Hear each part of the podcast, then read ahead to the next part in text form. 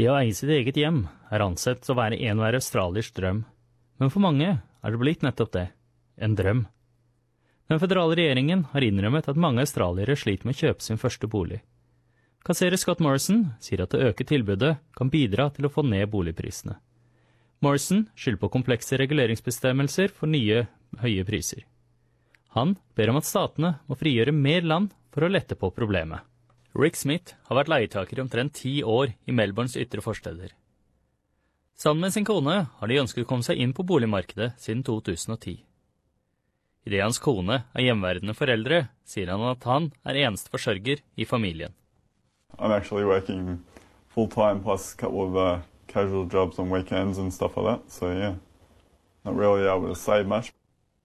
Rick Smith sier at de har prøvd å spare til et depositum for et hus i mange år, men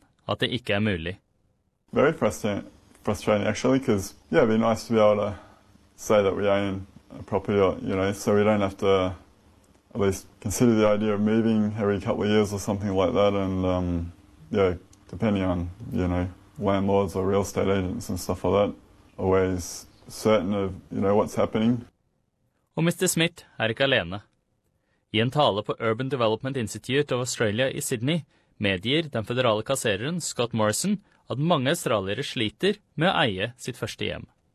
The market is getting away from people. The housing market is getting away from people, particularly in the eastern states. No matter how hard they work or save, or even when they're earning more, they are finding it harder and harder to keep up with the market and get into that market. To develop a sensible policy, it is important to separate out the forces that have been causing house prices to rise in the way they are. Han sier at andelen av australiere som eier sine hjem, har falt fra 71 til 67 i løpet av de siste 20 årene. Morrison sier boligeierskap har gått ned, særlig for unge mennesker. Han sier at mellom 2002 og 2014 ble antallet 24-35-åringer som eide egen bolig, redusert fra 39 til ca. 29 Ifølge Scott Morrison har hovedstadsprisene vokst raskere enn i resten av landet. Morrison sier prisveksten i Sydney har vært større enn i alle de andre hovedstedene, tett etterfulgt av Melbourne. Han sier at i Sydney og Melbourne har prisene steget henholdsvis rundt 65 og 40 siden 2012. Scott Morrison sier at boligprisene er et komplekst problem, og Turnbull-regjeringen har til hensikt å bruke mye tid på å få til riktig politikk Morrison har bedt om at stater og territorier gjør boligeierskap mer oppnåelig. Supply side constraints include complex land planning and development regulation, insufficient land release, the planning cost and availability of infrastructure provision, transaction and betterment taxes, public attitudes towards urban infill, and, for Sydney in particular, physical geographical constraints.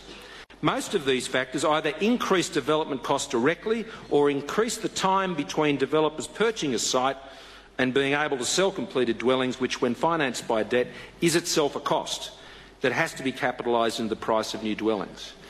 Now, while state governments cannot do much about the physical geography occupied by our cities, they can do a great deal to improve planning processes and the provision of infrastructure, and many are. This is not about outing anyone on, or putting anyone on notice when it comes to dealing with these issues, as some have suggested. It's a call for us all to work together. Han hevder at økt tilførsel vil hjelpe på med å presse prisene ned og tillate flere australiere til å ha råd til sin første bolig. Men Labour-leder Bill Shorten ser regjeringen dytte problemet over på statene. Back in about 1990, for instance, in Sydney, it would take about five times your average income to be able to afford a house for the price of the house. Now that's stretched to 15 times your income. Once upon a time, 25 years ago, a deposit took about three years to get together. Now it's taking about 10 years.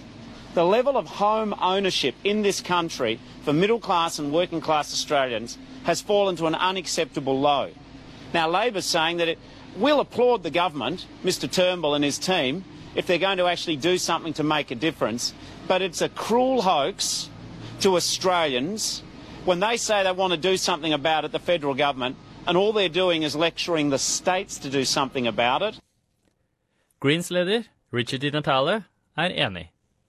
The government seems absolutely blind to the problems that first home buyers face. The Treasurer today is talking about the problems you have with supply, when supply is only one small part of the problem. The big problem within the housing market is our tax policies favour investors over first home buyers. That's the critical problem that we have within our housing market. And unless this government gets serious about it and recognises that it has to tackle negative gearing and those policies that make it easier for people to buy their third and fourth home rather than their first, then we'll continue to see houses out of, the, out of reach of ordinary Australians.